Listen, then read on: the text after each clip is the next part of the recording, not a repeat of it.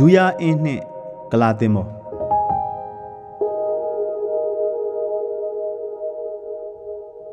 ဒူယာဆိုတဲ့အမည်နဲ့ပတ်သက်ပြီးကြပြဆရာမောင်ချောနွယ်ကလူဘဝကိုယူဇနဘင်လေးမှာအတာချိတ်ဒူယာတလိမ့်နဲ့လဲအိပ်ပျော်တတ်ခဲ့ပြီလို့ရေးခဲ့ဘူးသလိုဇာရေးဆရာမနုနုရီအင်းဝကလည်းတောက်တော့ဒူယာနေတော့ခြုံကြားဝစ်တော့မလေးရှားဆိုပြီးဝိထုတပုတ် ရေးခဲ့ပူးပါတယ်စတူဒီယိုခစ်ဦးရဲ့တေးတန်ရှင်ဘိုဘိုဟန်ကတော့သုံးလိတ်ကိုတကြက်နဲ့ခေါင်းမူသွားပြီးဒူရတဲ့ရေးလို့တီဆိုခဲ့ပူးပါတယ်ဒီဒူရ secret ရဲ့အမည်မူလဘူတာအစကတော့ AR တိုင်းဒေတာကြီးဟင်္ဒရာမြို့နယ်ဒူရကျေးရွာကအစပြုခဲ့တာဖြစ်ပါတယ်ပါဇက်ရာဇဝင်မှာအုံမာတန်နီမင်းသမီးလေးဖျားတဲဖို့မြေမှာရှာဖွေစန့်တူရာ မြေတူးထားတဲ့တူးရာတွေကိုအစွဲပြုတ်ပြီးတူးရာနောက်တော့ဒူးရာနောက်တော့ဒူးရာဆိုပြီးဖြစ်လာတဲ့ရွာကလေးလို့ဆိုကြပါတယ်1963ခုနှစ်မှာတော်လိုင်းရေးကောင်စီအစိုးရကဒူးရာပုတ်ပါခပောင်းအုံတော်အရက်တွေမှာတောင်သူလယ်သမားနှီးနှောဖလှယ်ပွဲတွေကိုပြုလုပ်ခဲ့ပါတယ်အဲ့ဒီနှီးနှောဖလှယ်ပွဲအထိန်အမှတ်အဖြစ်ဒူးယာခပောင်းအမည်နဲ့ secret တွေထုတ်လုပ်ခဲ့တာဖြစ်ပါတယ် ဒူးယာရွာဟာရန်ကုန်ဟင်္ဒရကားလန်နဘေးမှာတည်ရှိပြီးဟင်္ဒရကနေ9မိုင်ခန့်အကွာမှာရှိပါတယ်နာအဖအစိုးရခေတ်ကဖောက်လုပ်ခဲ့ပြီးယထာမသွားတော့တဲ့ဘူရာယုံလေးလည်းရှိပါတယ်အခုတော့ဒူးယာရွာဟာမြို့ဖြစ်နေပါပြီဒူးယာရဲ့ထင်ရှားတဲ့အမှတ်သားဟာဒူးယာအင်းဖြစ်ပါတယ်အကျယ်အဝန်းကအရင်တုန်းကစတူယန်မိုင်9မိုင်လောက်ကျယ်ဝန်းခဲ့ပြီးအခုတော့9မိုင်လောက်သာကျယ်ပါတော့တယ်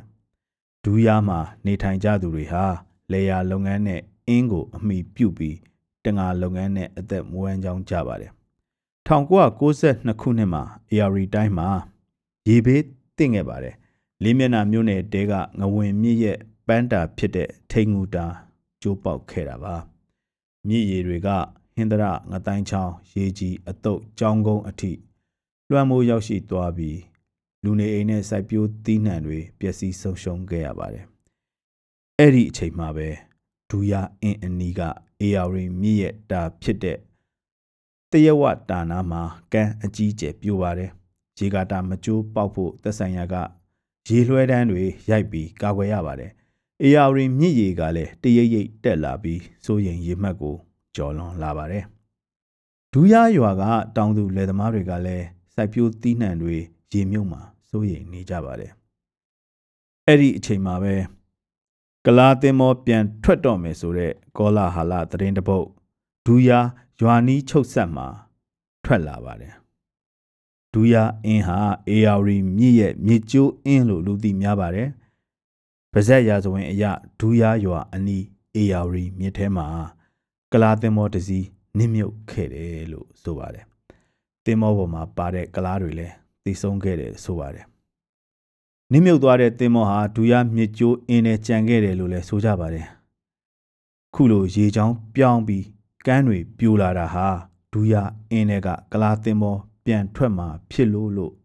ဆိုကြပြန်ပါတယ်။ကောလာဟာလာကဘလောက်ကျယ်ပြန့်လာလဲဆိုရင်